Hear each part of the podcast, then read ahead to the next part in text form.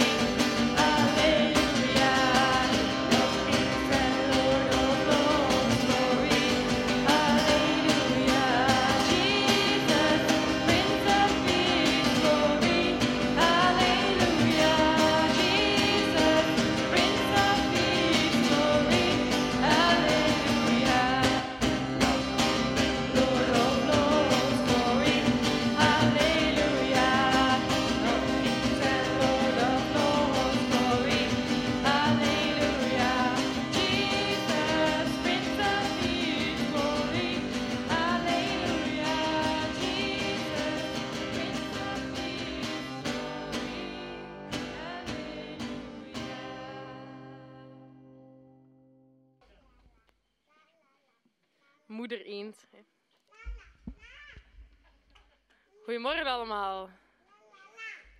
Ik hoop dat jullie even vrolijk zijn als mijn dochter om God te aanbidden. Welkom in de Pottenbakker voor een nieuwe week, een nieuwe zondagsdienst. Het is vandaag de eerste zondag binnen de 40 dagen tijd. En ik heb al een aantal jaar dit boek, het heet Jezus voor ogen. Beelden en woorden voor de 40 dagen tijd. Het is altijd mijn doel om het te doorlopen, maar ik heb nog nooit kunnen uitlezen. Want ergens halverwege de 40 dagen tijd vergeet ik het. Maar ehm, ik wil graag iets voorlezen over de betekenis van de 40 dagen tijd als start van deze dienst en als start van de 40 dagen tijd. Het woord lente komt van het oud-Saksische woord lenzin. Dit staat voor het lengen van de dagen. De tijd na de winter waarin de natuur van een kale woestenij langzaam ontwaakt en weer opbloeit. In het Engels gebruikt men het woord lent voor de 40 dagen tijd. De lente is de verwachtingsvolle bedding van de herdenking van Jezus' gang via een woestijn naar een hof en vandaar via een heuvel naar een tuin.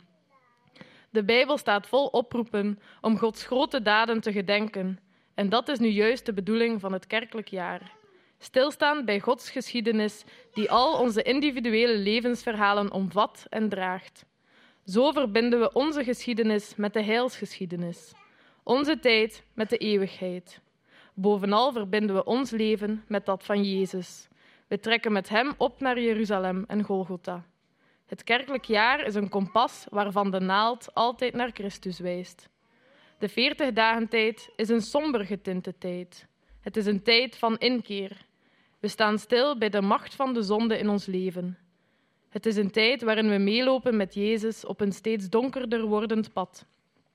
We ervaren met Hem de groeiende vijandigheid van zijn tegenstanders, de toenemende zwaarte van zijn gemoed. We horen zijn onheilspellende woorden over verraad en dood. Net als de discipelen voelen we ons steeds ongemakkelijker. Machtsvertoon en het rauwe kwaad komen bovendrijven. Op zijn weg zegt Jezus steeds weer nee tegen de verzoeking de makkelijke weg te nemen naar de wereldtroon, de weg zonder lijden. Hij moet daartoe de duivel en zijn discipelen weerstaan. Steeds weer voedt hij niet zijn populariteit, maar zoekt hij de stilte op. Zijn weg komt uit in Gethsemane, waar hij zijn vader drie keer smeekt de beker niet te hoeven drinken. Ook daar zegeviert zijn wil. Hij wil zijn vaders weggaan, de route die langs Golgotha voert. In deze lijdenstijd gaan ook wij de confrontatie aan met de verzoekingen in ons leven. We, kunnen de 40 dagen tijd zien als een interessant gebruik uit een oude, vreemde traditie. Maar we kunnen hem ook aangrijpen als een kans om een frisse wind te laten waaien door ons leven met God en onze naasten. Als een soort retraite, een periode van bezinning, met als doel onze relatie met God te verdiepen en te vernieuwen. Daar gaat het om. In welke vorm we de 40 dagen verder ook gieten. Na deze voorbereidingstijd zijn we klaar voor Pasen, om de genade en vernieuwing van ons leven met werkelijke blijdschap te begroeten. Dit als inleiding van de dienst, om onze focus op Jezus te richten, vandaag, deze morgen, maar ook de komende dagen onderweg naar Pasen. Ik wil deze dienst nog openen in gebed. Heer God, dank u wel dat we hier weer mogen zijn. Dank wel dat um, we de komende dagen, 40 dagen, mogen toeleven naar Pasen. Wilt u ons helpen om meer te beseffen wat uw weg naar Golgotha heeft betekend, wat het betekent voor ons elke dag in ons leven? Wilt u ons geloof hernieuwen, onze inzichten verdiepen en onze relatie met u versterken, Heer, de komende periode? Zodat we, zoals hier in de tekst stond, met Pasen in werkelijke vrijheid kunnen beseffen wat het offer van Jezus en zijn opstanding voor ons betekenen. Amen.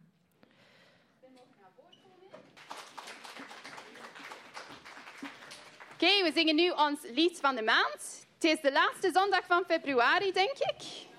Ja, dus het is de laatste keer dat we dit lied gaan zingen. Dus wat gaan we doen? We gaan extra luid zingen, zodat wij luider dan Jere en Hester zingen. Gaat dat lukken? We gaan ons best doen, hè? Wow, wow, wow.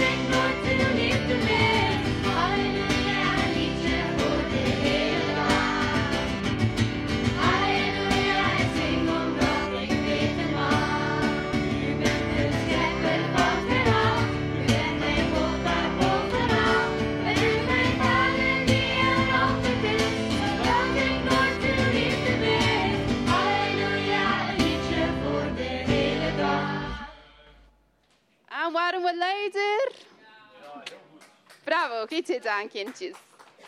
Oké, okay, wij gaan nu naar de zondagsschool.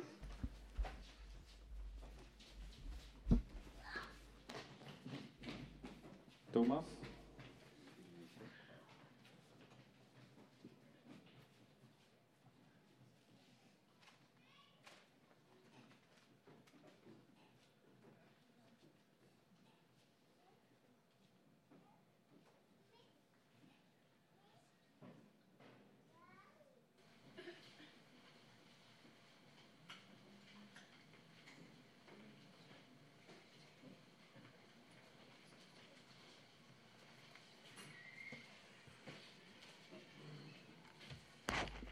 Goedemorgen.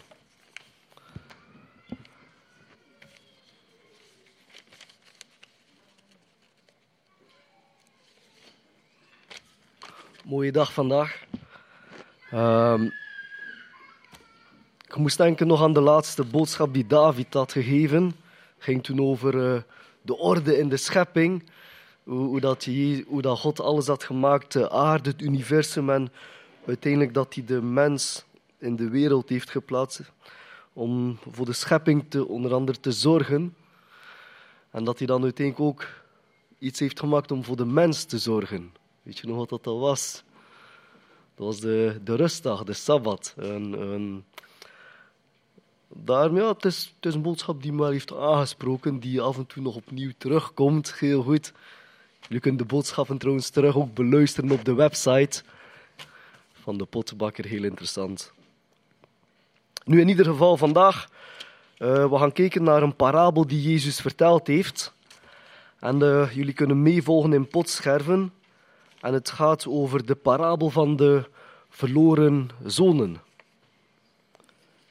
Kennen jullie dat verhaal van de, deze parabel van de verloren zonen?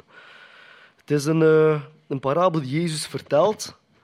En klassiek is het eentje die, we, die gekend is als parabel van de verloren zoon. Maar we gaan vandaag ontdekken dat het eigenlijk gaat om twee verloren zonen. En eh, we zien wat dat Jezus vertelt over eh, drie dingen. Over God, en over de zonde en over redding. We gaan eventjes de tekst erbij nemen. Eh, Lucas hoofdstuk eh 15.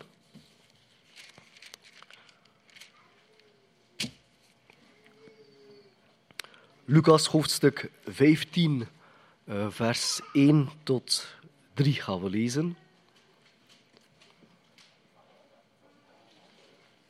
En al de tollenaars nu en de zondaars plachten tot hem te komen om naar hem te horen. En de fariseeën en schriftgeleerden morden en spraken, deze ontvangt zondaars en eet met hen. En dan heeft hij een, gelijkenis, maar we gaan naar de volgende gelijkenis in vers 11. Vers 11. En hij zeide, iemand had twee zonen, en de jongste van hen zei tot de vader, Vader, geef me het deel van ons vermogen dat mij toekomt. En hij verdeelde het bezit onder hen. En weinige dagen later maakte de jongste zoon alles te gelden. Hij ging op reis naar een ver land, waar hij zijn vermogen verkwiste in het leven van overdaad. En toen, er alles, toen hij er alles doorgebracht had, kwam er een zware hongersnood over dat land en hij begon gebrek te lijden. En hij trok erop uit en drong zich op aan een der burgers van dat land, en die zond hem naar het veld om zijn varkens te hoeden. En hij begeerde zijn buik te vullen met de, geschillen, met de schillen die de varkens aten. Doch niemand gaf ze hem. Toen kwam hij tot zichzelf en zeide: Hoeveel dagloners van mijn vader hebben brood in overvloed? En ik kom hier om van de honger.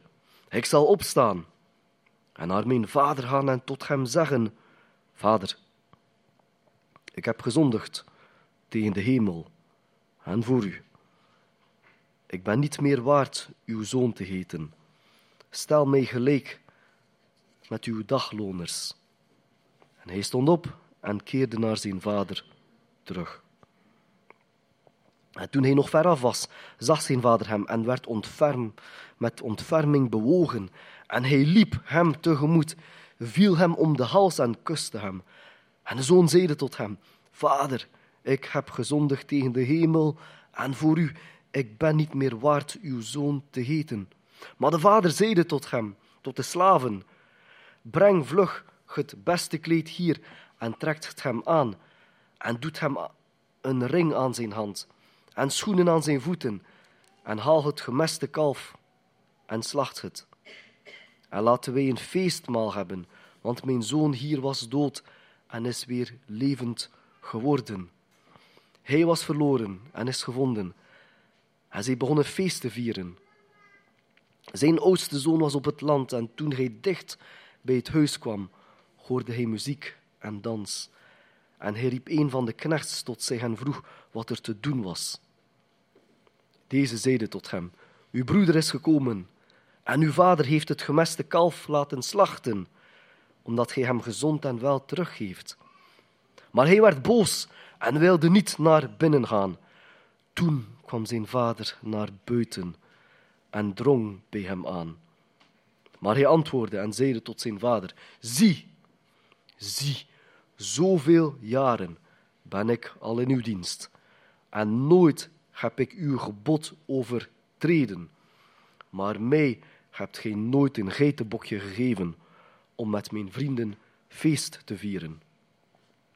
Doch nu die zoon van u gekomen is, die uw bezit heeft opgemaakt met slechte vrouwen, hebt hij voor hem het gemeste kalf laten slachten.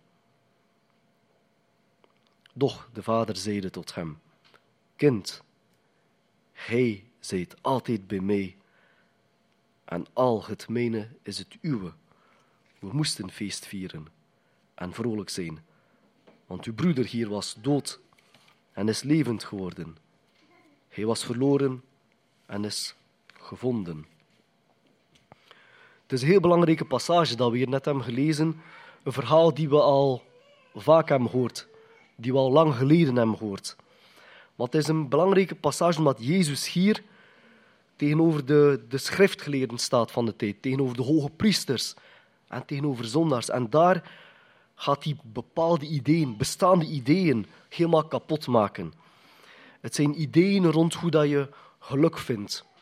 Ideeën hoe dat je God vindt.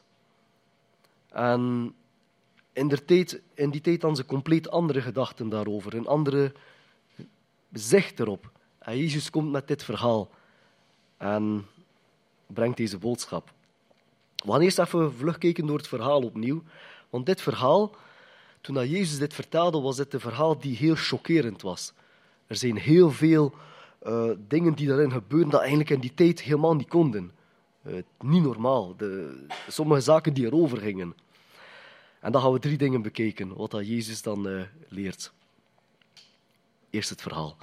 Dus de jongste zoon, dus een vader met twee zonen en die jongste zoon gaat naar de vader en zegt, hé hey, pa, vader, geef mij mijn deel van de erfenis.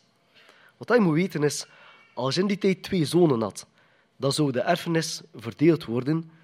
Een derde naar de jongste zoon en twee derde naar de oudste zoon. En dat te maken met dat de oudste zoon, uh, als de vader stierf, dat hij meer verantwoordelijkheid kreeg. Je werd ook, ja, je werd zo ook verantwoordelijk voor de hele familie, voor, heel het, uh, ja, voor, ja, voor al de rest. En je werd ook verantwoordelijk onder andere voor zijn jongste broer. Nu, maar die erfenis, die zou je pas krijgen nadat de vader was gestorven. Dus dat betekent op dat moment dat de jongste zoon zegt tegen de vader van hé, hey, geef me mijn deel van de erfenis, dan is dat iets wat al uh, heel bizar is. Het, is. het is een schande in die tijd. Je, je ging dat niet doen, je deed dat niet. Dat was, was ongehoord dat je dat deed. Want zoiets vragen aan je vader is eigenlijk hetzelfde vragen als hetzelfde zeggen als ja, vader, ja, eigenlijk wens ik jou dood. Weet je, um, ik wil je spullen, ik wil je rijkdom, ik wil je bezit, maar ik hoef jou niet. Ik, ik heb genoeg van jou. Ik, ik moet je niet hebben. Geef me mijn spullen en ik ben weg. Salut, salah, zegt hij. Ik moet niets meer weten van jou. Ga weg uit mijn leven. Nee, ik ga weg uit jouw leven. Dus dat is al uh, heel chockerend. Dat is iets wat je niet doet. In die cultuur, in die tijd, doe je dat niet. Nu, de mensen die het verhaal hoorden, waren daardoor al gechoqueerd van, nee, bizar verhaal wat dat Jezus vertelt. Heel bizar. Maar nog chockerender is de reactie van de vader. Want als zoiets gebeurde, hij was een deftige vader. Ik keek naar Jan, ik zie wat gebeuren. Moest dat gebeuren in die tijd, wat zou Jan doen? Wat zou zo'n vader doen? Hij zou die keren buiten gooien. Met geweld. Verbaal. Eventueel fysiek, je zou hem echt buiten schoppen. Maar dat was wat dat in de tijd zou gebeuren. Dat, dat was de cultuur. Iemand met veel aanzien, met heel veel macht, met rijkdom. En je, jongste zoon komt zo af. Ja, nee man, je gooit hem buiten. Maar wat dat die de vader doet, er staat in dat hij zijn bezit verdeelt over de twee zonen. En eigenlijk, als we naar de tekst gaat in het Grieks, dieper, dan staat er zelfs geschreven, de vader verdeelde zijn leven over de twee. Dus in die tijd was het zo dat je status, je identiteit, je positie, wie dat je was, je macht, hoe dat je werd aanzien, dat was afhankelijk van je rijkdom, van je bezit, van het land dat je had. En op het moment dat die vader instemde om een derde van zijn bezit, van zijn dingen af te staan, betekent dat eigenlijk dat hij een derde moest verkopen van zijn land. Een derde van alles wat hij had, een derde. Maar dat betekent ook dat hij een derde van zijn positie ging afstaan. Zijn machtspositie, zijn status, zijn imago, zijn identiteit. Dus vrijwillig had hij dat afgestaan, gewoon om het te geven aan de zoon. De zoon keert zich af van de vader. Hij gooit de liefde van de vader weg. En de vader incasseert. Die aanvaardt het. En die geeft de zoon zijn erfenis. Dus heel bizar verhaal. Nu, de zoon leeft dan in zonde. Je is heel egoïstisch. Je is kwestig. Je is bezig met hoeren. Je verliest alles. En op het moment dat hij compleet aan de grond zit, dan zoekt hij een plan om terug te keren. Want hey, het was toch wat beter in de tijd bij de vader, dacht hij.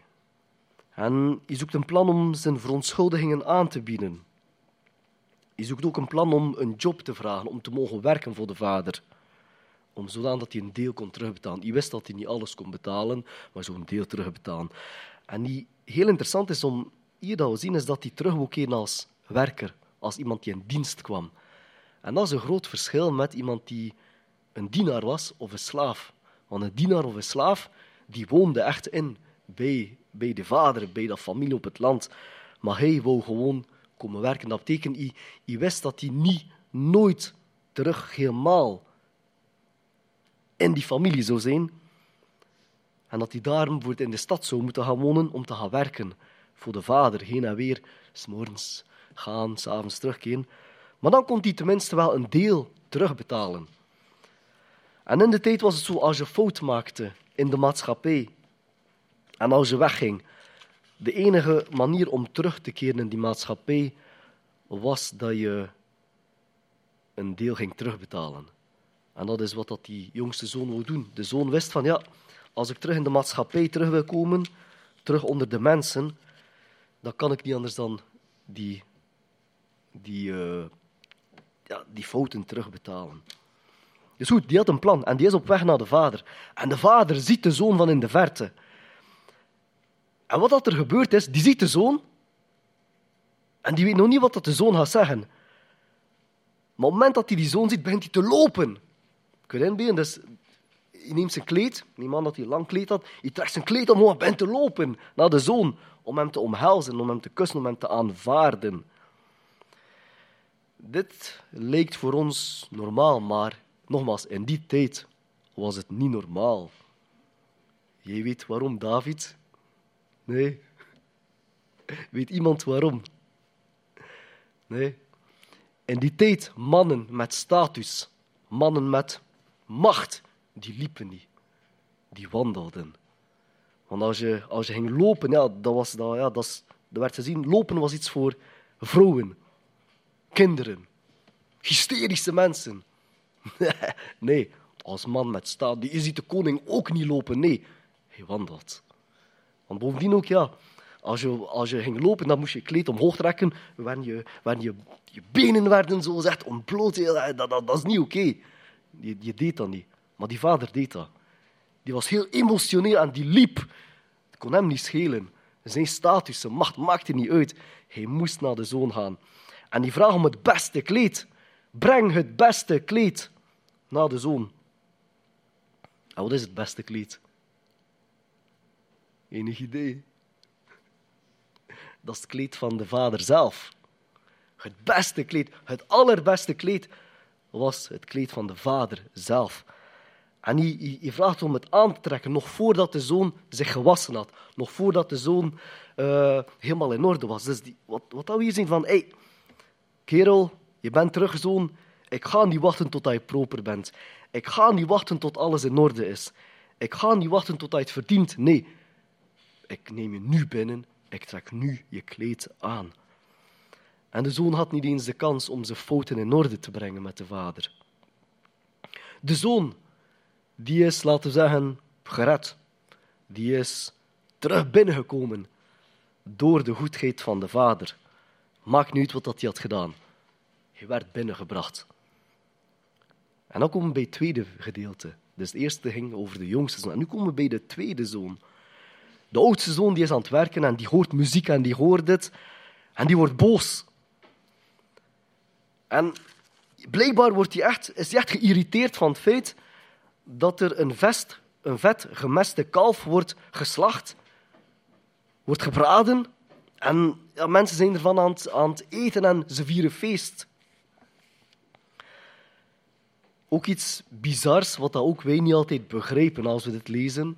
We hebben er al zoveel keer over gelezen, zoveel keer over gehoord. Um, in die tijd was het zo dat je, je, men at niet veel vlees, niet als maaltijd. En als er vlees was, dan was het omdat er feest was. En het allerduurste, het allergrootste wat je kon doen, was gewoon een volledig kalf nemen, die compleet vet gemest was, en dat je die aan de spit ging laten draaien. Het was een feest, het was een machtig feest. Een feest voor heel het dorp. En die, die oudste zoon die, die is geïrriteerd, want die komt van, hé, hey, hey, wat doe jij? Ik bedoel, wat doe jij met, dit, met je geld? Je bent je geld aan het, gewoon aan, aan het, uit, het, uit het raam aan het gooien. Wat doe jij met jouw geld? Nee, nee, nee, wat doe jij met mijn geld? Dat is wat de oudste zoon zich toeënt. Want weet, de vader had een derde afgestaan aan de jongste. De rest was van de oudste zoon. Dus die had gezegd van, hé, hey, ik ben altijd bij jou geweest. Ik heb je altijd gehoorzaam. En wat doe je nu? Je gooit mijn geld nog eens uit het raam ook. Dit is van mij, ik verdien het. Nu, je moet dat zo zien. Jan heeft een machtig feest georganiseerd voor heel het dorp. Ik ga je weer nemen, Jan.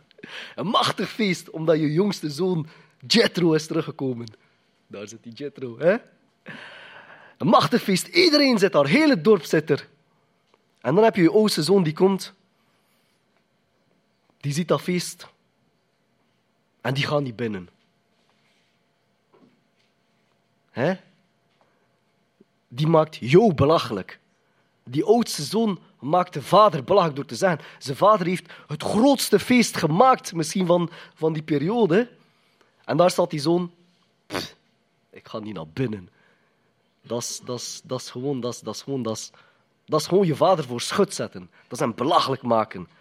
En, en als het niet genoeg is, gaat hij dan, wat zien we? In de tekst is niet volledig duidelijk, maar daar zegt hij: Zie, zoveel jaren ben ik in uw dienst geweest. Dus eigenlijk zegt hij: Jij daar. Je zegt niet vader, hè? Nogmaals, in die tijd, hè? vader, ik ben altijd bij u geweest. Nee, je zegt: Jij daar.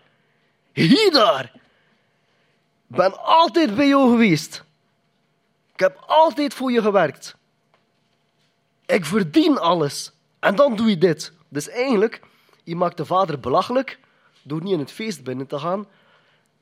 En dan gaat hij nog eens de vader aanspreken op een toon alsof dat gij een of ander uitschot is of zo. Een stukje afval. En wat zien we dan? Op dat moment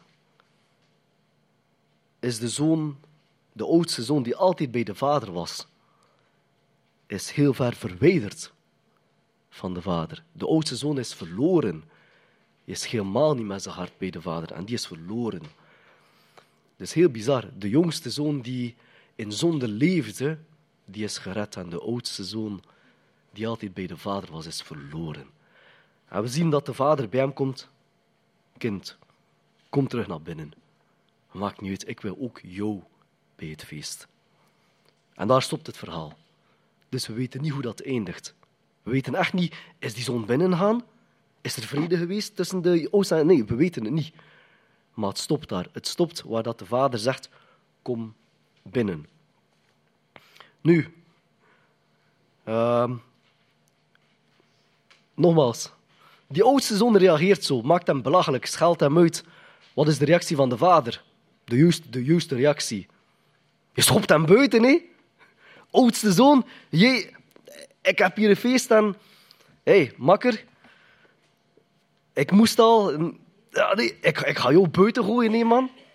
Dat is de ju- juiste reactie. Als iemand zijn vader zo behandelt, moest je die ook buiten gooien. Maar de vader heeft het niet gedaan. Ondanks die respectloze houding, zegt hij: Mijn zoon, mijn kind, ik wil jou op het feest. Het is eigenlijk een verhaal die, die vol elementen zit, die chockerend zijn, die bizar zijn, die...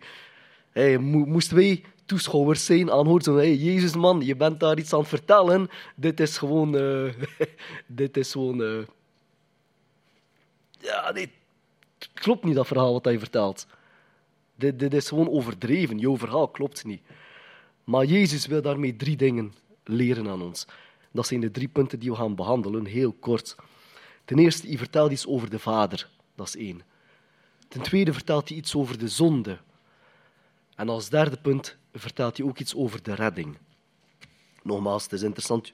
Ik heb, ik heb wel wat mijn best gedaan om het wat uit te schrijven in potscherven, zodat je het achteraf wat kunt doornemen. Ehm, het is wel belangrijk dat je, dat je de kern haalt uit dit verhaal. Maar het eerste is wat dat Jezus vertelt over God. Jezus, zo meer dan 2000 jaar geleden in de geschiedenis, was de eerste, een van de eerste, maar de eerste dat we echt weten dat hij God vader noemde. Ehm, in die tijd was dat ook iets wat hij niet deed. Als het dan over God, de allerhoogste, de allermachtigste, degene die de aarde heeft gemaakt, degene die de dieren heeft gemaakt, degene die de lucht, de maan, de sterren heeft gemaakt. Ja, hé hey, gasten, kijk God. God is, die, God is degene die jullie leven heeft gegeven. God is degene die het leven heeft gegeven van jullie kinderen, van jullie ouders. God is degene die heel de bergen heeft gemaakt, de zee en de hemel. Ken je hem? Dat is mijn vader. Hij is mijn vader. En ik behoor hem toe. Als jullie in de tijd dit hoorden, dan zeggen van die kerel is aan het, uh, die kerel is aan het flippen, man. Uh, die kerel denkt dat hij uh, een kind is van de grootste, van de allerhoogste. Jezus, man, je bent aan het overdrijven, man. Hoe durf jij God je, je vader noemen? Dat is één. Bovendien zijn er ook velen die moeite hebben met het beeld van de vader. Sommigen hebben helemaal geen goede vader gehad. Sommigen hebben iemand gehad die een vader had die streng is, die hard is, die koel is, iemand die autoritair is, iemand die zonder liefde is, iemand die zonder vergeving is. En Jezus komt met dit verhaal. En heel, heel de tijd dat hij op aarde was, vertelde hij de mensen van... Hé, hey, ik heb een vader. En mijn vader is machtig, mijn vader is groot. Maar hij is ook vol liefde.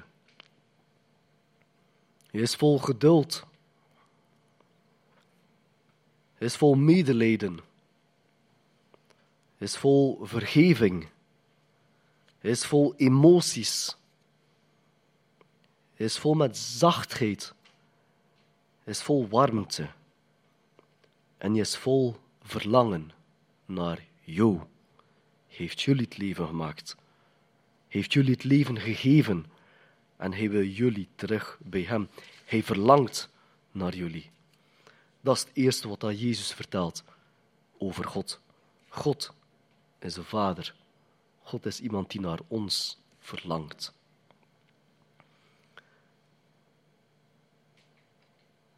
Tweede punt is dat Jezus iets ons vertelt over de zonde. En Jezus vertelt ons wat dat zonde is, door zowel de jongste zoon te tonen als de oudste zoon. Met de jongste toon toont hij het volgende. De jongste zoon is respectloos tegen de vader. Hij wil het bezit van de vader, maar hij wil de vader niet zelf. Hij verkwist alles. Hij heeft een leven van zonde, dat we zeggen. Hij heeft de geldzucht. Is bezig met prostituees. En eh, ja, het staat niet in wat dat hij nog allemaal verkeerd doet. Maar we leren wel dat hij echt slecht bezig was. Hij was egoïstisch. Hij had zijn eigen leven. Ik vond het interessant wat Holly daarnet vertelde met de kinderen. Heel veel van de zaken, de uitspraak van Jezus, komt ook weer terug hierin. Ehm, hij ging zijn eigen leven. Dus wat dat we hier leren is dat, dat zonde uiterlijke dingen zijn dat we echt verkeerd doen. Zonde zijn dingen, uiterlijk, dat we doen, die schade brengen aan onszelf. Dingen die schade brengen aan mensen rondom ons. Dingen die schade brengen aan mensen die om je geven. Dingen die schade brengen aan God zelf, aan Gods hart. De jongste zoon was verloren omdat hij zijn eigen weg was gegaan. Dat is één punt. Zonde zijn dingen dat we doen wanneer dat we onze eigen weg gaan. En dan kijken we naar de oudste zoon. Die had een goed leven. Die was gehoorzaam. Die maakte geen fouten. Maar toch is hij ook verloren. Hij is verloren omdat hij altijd bij de vader is geweest. Dus die kerel was altijd bij de vader, omwille van de rijkdom, omwille van de macht, maar niet omwille van de vader zelf. En dat is duidelijk naar het eind toe. Door goed te zijn, door zijn best te doen, had hij een bepaalde trots. En die trots stond tussen hem en de vader. Door goed te zijn, zei hij van, hé, hey, ik heb mijn best gedaan. Ik ben goed geweest. Ik verdien het. Ik verdien die macht. Ik verdien die rijkdom. Het komt door mij. Ik heb mijn best gedaan. Daarom is die eigendom van mij. Daarom is dit alles van mij. Je was goed bezig voor die zoon. Moest je hem kennen? Ja, je deed niemand pijn. Je viel niemand lastig. Maar je zat vol boosheid. Je zat vol jaloersheid. De jongste zoon was verloren omdat hij zijn eigen weg ging. De oudste zoon was verloren omdat hij denkt dat hij uit zichzelf alles kan krijgen. Beiden zijn verloren omdat ze aan zichzelf denken. Beiden zijn verloren omdat ze een hart niet naar hun vader hadden. Er zijn twee manieren in, in deze wereld om geluk te vinden, om God te vinden. Je hebt twee strekkingen in deze wereld. Uh, ik heb niet tussen christen of niet-christen, ik heb het over mensen in het algemeen.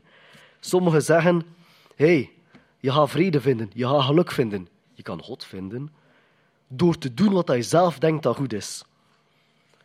Iedereen bepaalt voor zichzelf wat dat goed is. Iedereen kiest voor zich hoe dat hij moet leven. Iedereen heeft het recht om beslissing te nemen. Iedereen leeft op zijn eigen manier. En het is, het is zo dat je er zult geraken. Dat is één manier.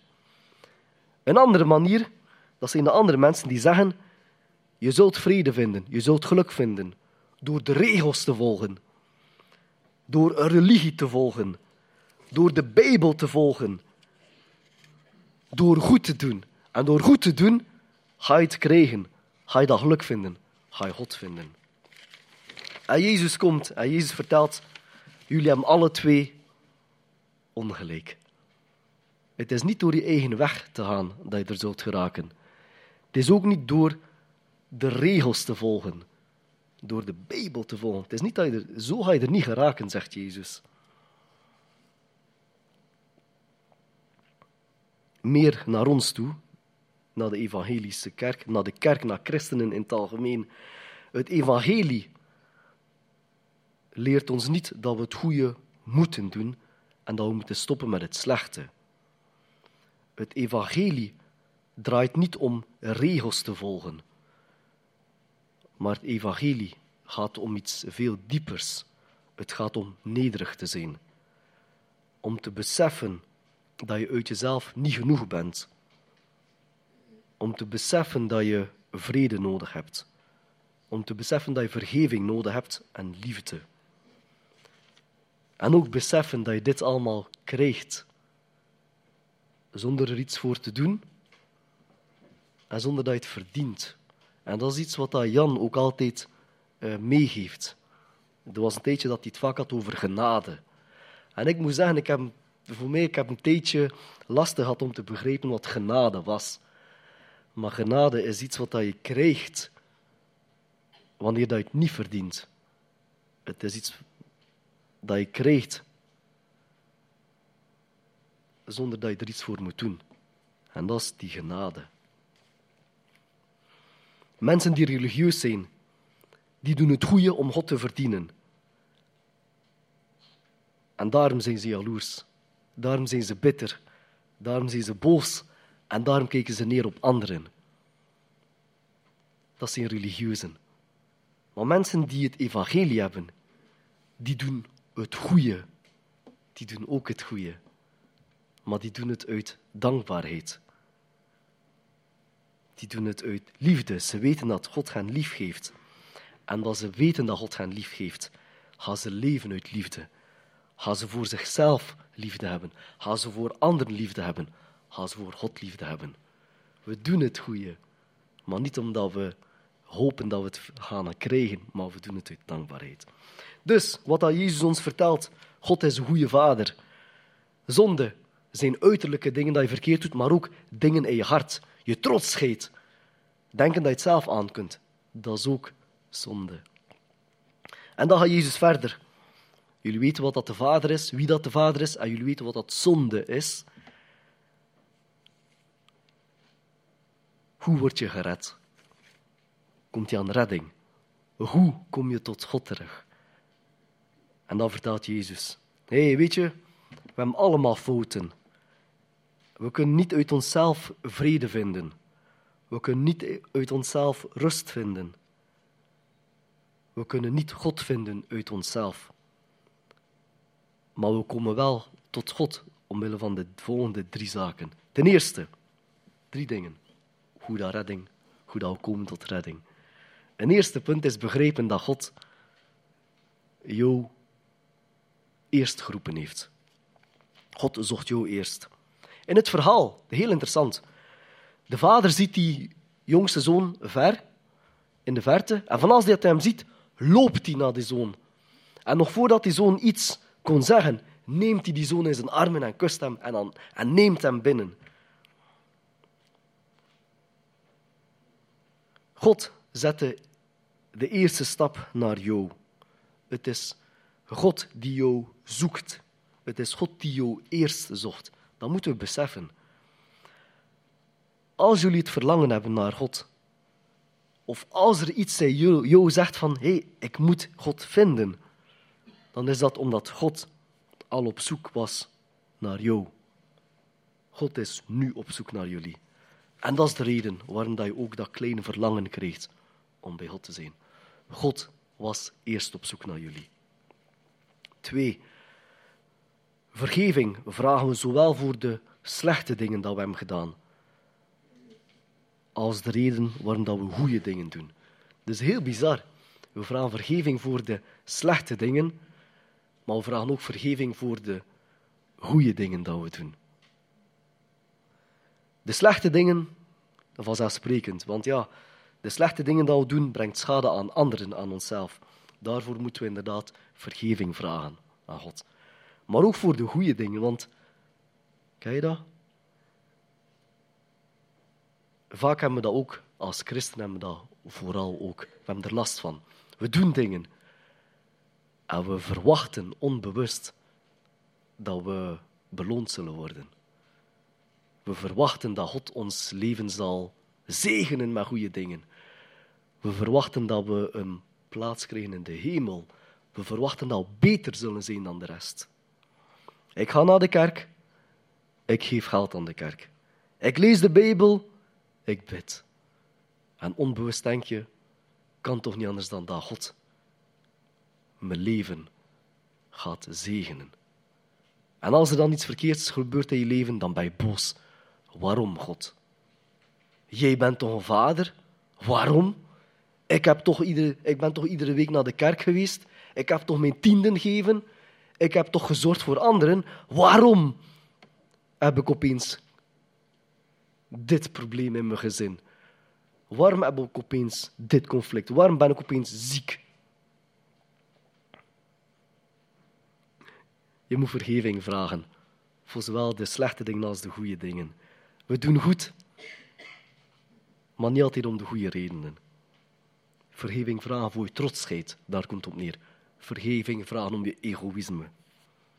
En als laatste, beseffen wat het heeft gekost.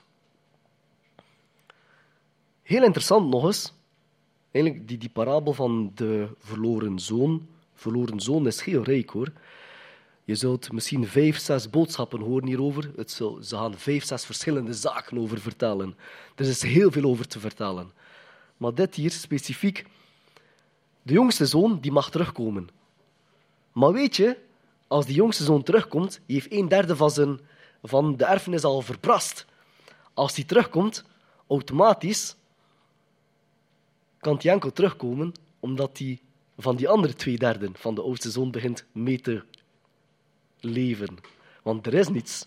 Dus eigenlijk, je kan enkel terugkomen omdat de oudste zoon het hem zou gunnen. Maar die oudste zoon wil het niet. Die oudste zoon zegt van, hey, nee, nee, nee, die heeft, die een derde van de erfenis verbrast, verprutst. Hey, ik wil hem niet binnen. We gaan geen feest vieren voor hem. Nee, ik kom niet terug binnen. Niet van. Ik blijf buiten.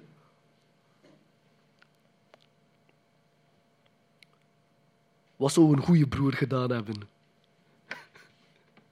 Een goede broer zou zeggen van, weet je wel, oké, ja, ik ben bereid om ook mijn deel van de erfenis opnieuw te delen met die jongste zoon. Door dit verhaal hebben wij ook allemaal het verlangen als jongste zoon naar een goede broer. Wie gaat ons toelaten om te komen tot de Vader? Je het aankomen, niet? Wie heeft ons toegelaten om te komen tot God? Dat is Jezus. Um, hebben jullie gemerkt het volgende? Jezus had het altijd over de Vader. Vader, mijn Vader, mijn Vader. En aan het kruis, toen dat hij stierf, riep hij niet: Mijn Vader, mijn Vader, waarom heeft u mij verlaten? Waar riep hij? Mijn God, mijn God, waarom heeft u mij verlaten? Dat was het moment dat Jezus geen kind meer was van God. Jezus was op dat moment niet meer de zoon van God. Hij was vervloekt.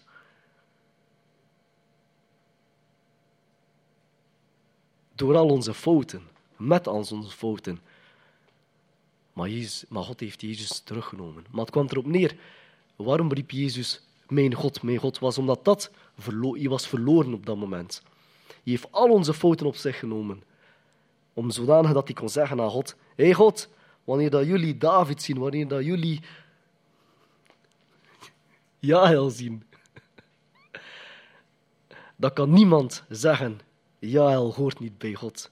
Nee, wat dat ze ook heeft verkeerd gedaan, wat het ook haar gekost zou hebben, ik heb het genomen op mij.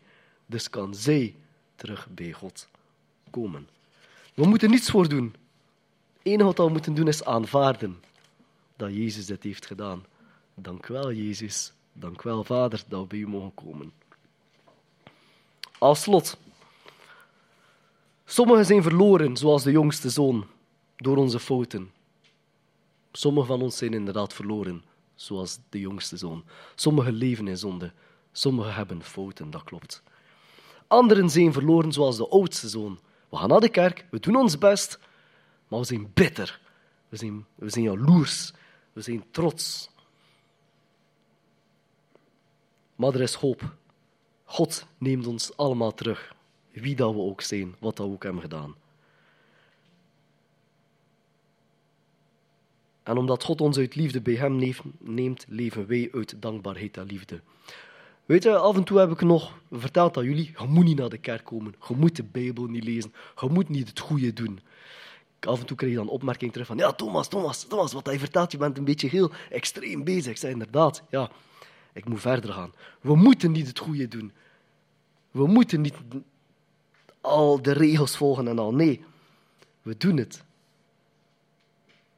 Wat ik, waarmee dat ik wil toekomen is van, we doen het goede. We komen naar de kerk. We bidden. We zorgen voor elkaar. We zorgen voor onszelf. En dat doen we gewoon omdat wij, omdat er voor ons werd gezorgd. Dus we doen het puur uit dankbaarheid. We doen het niet uit plicht. We doen, we doen het niet omdat we hopen dat we iets gaan krijgen. We doen het uit dankbaarheid. En dat is tof eraan. Dus we doen het goede. We hebben de liefde voor anderen en voor God. We gaan samen danken.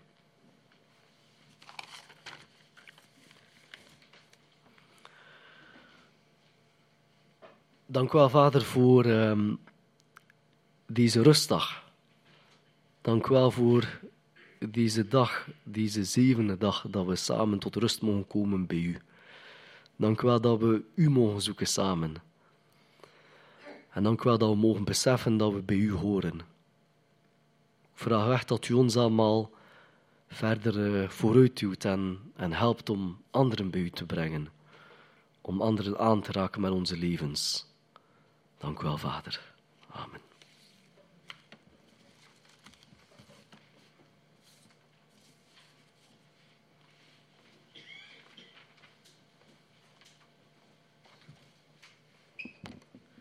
Dank wel, Thomas. Lijkt me de ideale inleiding voor het avondmaal. Er moet niet meer veel aan toegevoegd worden, denk ik.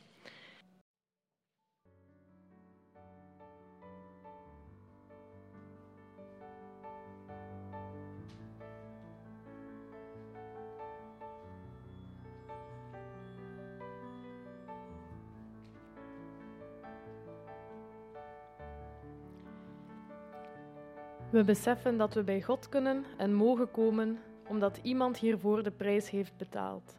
Jezus kwam en heeft zijn leven gegeven om te sterven voor ons, te sterven voor onze fouten, zodat niemand ons nog kan beschuldigen dat wij de schuld dragen tegenover God.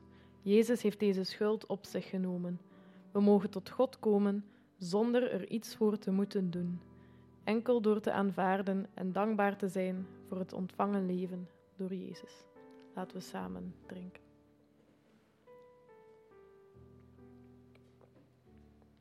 We gaan nog drie liederen zingen samen.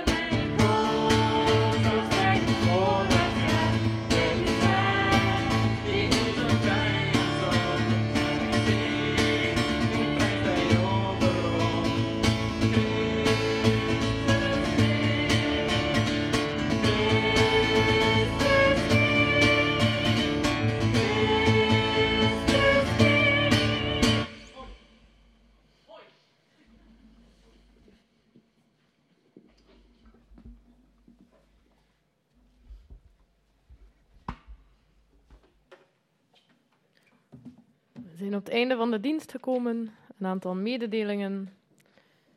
Morgenavond is de bidstonde om 7.30 uur hier in de kerk. Het is de laatste zondag waarbij de inhoud van de collectebus en de overschrijvingen uh, voor noodhulp in Syrië zullen zijn. En die wordt ook nog eens verdubbeld door hetgeen al in de spaarpot van de kerk zit. Dus als je vandaag nog overschrijft of nog iets in de collectebus deponeert, dan weet je waar het naartoe gaat. David wou nog iets zeggen over het gemeenteweekend.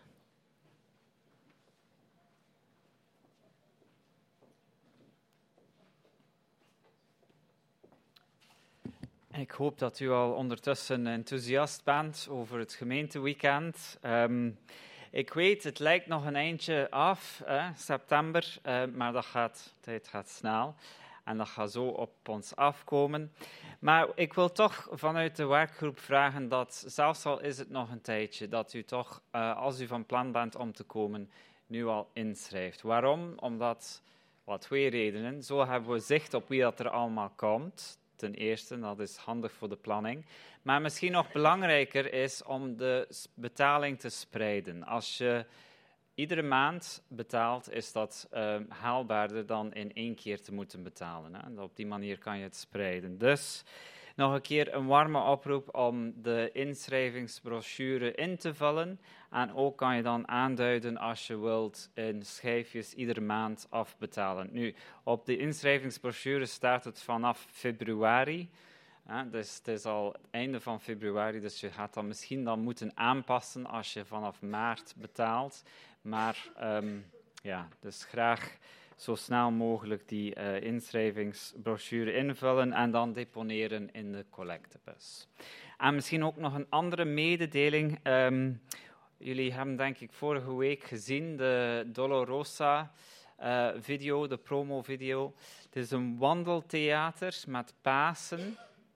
Um, Wim en Tanja Biesbroek zijn betrokken bij de organisatie van dit uh, wandeltheater. Het is een groep vanuit Nederland die komt, die door middel van kunst, theater, beeld uh, het verhaal van Pasen zullen um, overbrengen.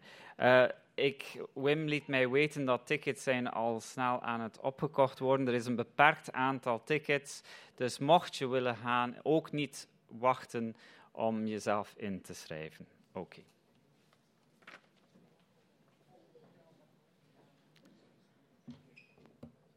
Wie is er al ingeschreven voor het gemeenteweekend? Handen in de lucht? Allee, je gaat al met zes. nee. Uh, maar dus zeker inschrijven voor het gemeenteweekend. Het zal super tof zijn. Jan had nog een mededeling. Ik mag nog een blijde aankondiging doen. Ons zevende kleinkind is geboren. Ja. Dus drie kilo 450, denk ik. Uh, ja. ja, het komt op geen per natuurlijk. Dus uh, alles is goed verlopen. Ze zijn gezond en wel alweer thuis. Dus, uh, dus bij deze, alsjeblieft. En ik trakteer op koffie en taart. Koekjes. Proficiat. Nog mededelingen? Nee. Oké. Dan rest mij alleen nog om te zeggen: Jan trakteert met koffie en taart en een gezegende week.